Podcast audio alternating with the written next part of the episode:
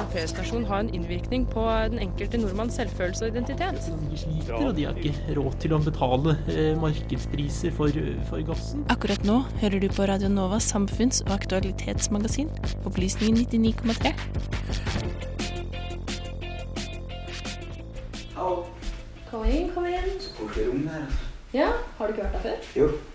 Jeg vet er her så mye som vi er bortpå der vi er nå.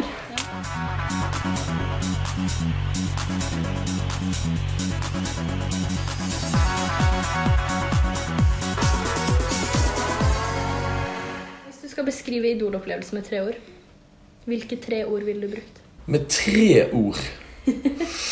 um, intenst, gøy og lærerikt. Hvordan intenst kan du utdype?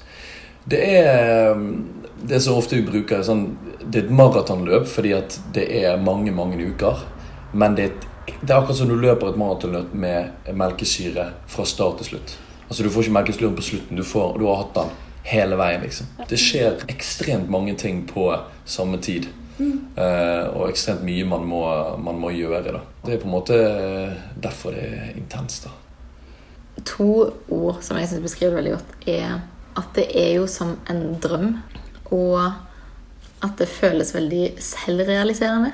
Det er jo sånn man har sagt sånn, ja, hva er drømmen? Nei, det er jo å drive med musikk hver dag, og jobbe med det, og jobbe kjempehardt for å få det til. Og det som jeg tar meg selv i litt for tida, er sånn, akkurat nå så gjør jeg faktisk det. Hva er det du syns folk burde vite om det å være idoldeltaker? Ja, altså jeg tror det er veldig mange som tror at vi møter opp på fredagsmorgen eller fredags ettermiddag, og så synger vi sangene våre, og så drar vi hjem. Så jeg får jo mange meldinger sånn, som lurer på om jeg Ja, hvorfor jeg ikke er hjemme da, på Brekstad. Men det er jo fordi vi er her hver dag. Og vi har én til to fridager. Vi er heldigvis hver to fridager i uka. Så det er opplegg hver dag. Og det er ikke noe hvilehjem, for å si det sånn. Er det feil av meg å anta at um, Idol prøver på en måte å skape artister? Eh, altså, jeg tror de, de prøver jo å skape artister. Det er jo helt klart. Men de skaper oss ikke til noen artister vi ikke vil være sjøl. Jeg føler i hvert fall at produksjon forstår meg veldig godt om hva jeg vil, og hvor jeg vil. Og det er, det er veldig godt, egentlig. Vi er så forskjellige, vi som er i finalen. Vi er så forskjellige, og jeg føler at de vil at vi skal bare gå den veien vi vil, og de vil at vi skal prøve det vi har lyst til å prøve. Og så ser de om liksom, det funker, da. Nei, ehm, jeg føler jo at vi har fått så sykt bra hjelp til sånne ting. Og hvis vi trenger å snakke med en psykolog, så kan det skje liksom i løpet av dagen. på en måte. Det er veldig, veldig bra, syns jeg. Og bare alle i crewet og oss deltakerne oss imellom. Altså Alle vi ønsker jo det beste for hverandre. Men jeg føler meg ordentlig ordentlig godt ivaretatt. Så Da er jo egentlig det viktigste å ivareta seg sjøl òg. For det er jo en viktig del av det. Er det noe du skulle ønske var annerledes med do? Så ikke egentlig. Eh, Det er jo en av de tingene som, som jeg har på en måte Det har gått opp et lys da på at det må gjøres sånn for å få det til på TV. Og det er jo det at låtene er så kort. Ja. Men jeg forstår det veldig godt når jeg har vært med på det en stund. Og folk som sitter og spiser fredagstacoen og vil ha god underholdning på TV, trenger ikke nødvendigvis å orke å se en låt på 3 15 minutter. Og da er det mye artigere Altså, først og fremst så er jo Idol et underholdningskonsept. Og da er det jo mye artigere for dem å alltid få ny input, ny låt, ny person. At det er litt tempo i det. Eh, det tenker Hvis det er det eneste jeg har utsatt på det, så, så jeg er glad for at jeg ble med på det. Skulle ønske at dommerne hadde mer med oss å gjøre, egentlig. At vi liksom ikke bare møtte dem på fredager der, og liksom på, på live, og der de skulle sitte og vurdere oss, liksom. Jeg skulle ønske vi hadde en litt mer personlig relasjon, da. Jeg er litt nysgjerrig på det her med Jeg hater å bruke ordet kjendis.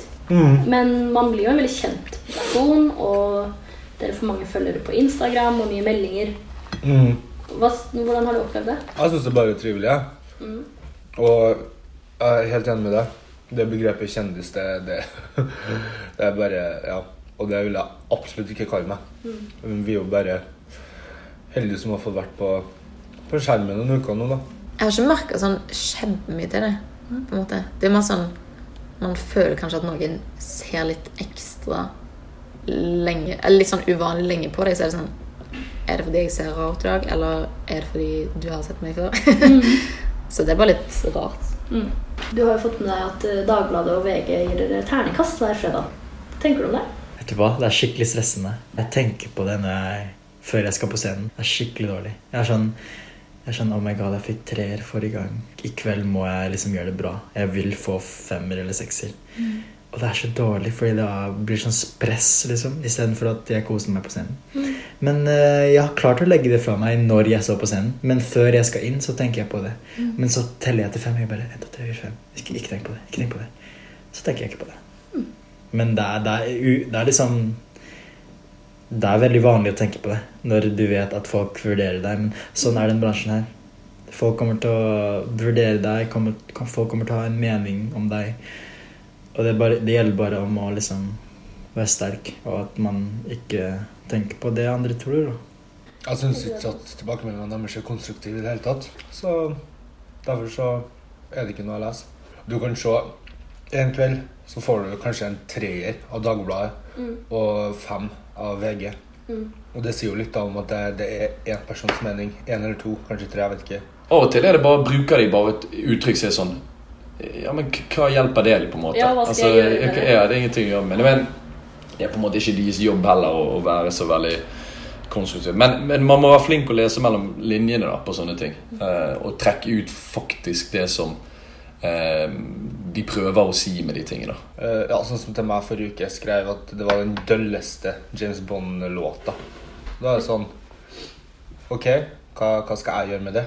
Ja. det den jeg valgte, var gjort. Så det, det er sånne dumme ting de kommenterer. da. Jeg tror eh, mange av de som skriver for, for aviser, er jo no, på en måte, noen av de i hvert fall eh, ser på oss mer som artister enn en, på en måte konkurransedeltakere. Mm. Så de legger kanskje litt for høye eh, forventninger eh, til det som er Altså Her er det folk som For min egen del i hvert fall, sant? jeg har aldri hatt noe trening i eh, musikk eller noe som helst. Sant? Jeg går inn der med så Det er en helt ny utfordring. Jeg holder på med idrett. Jeg.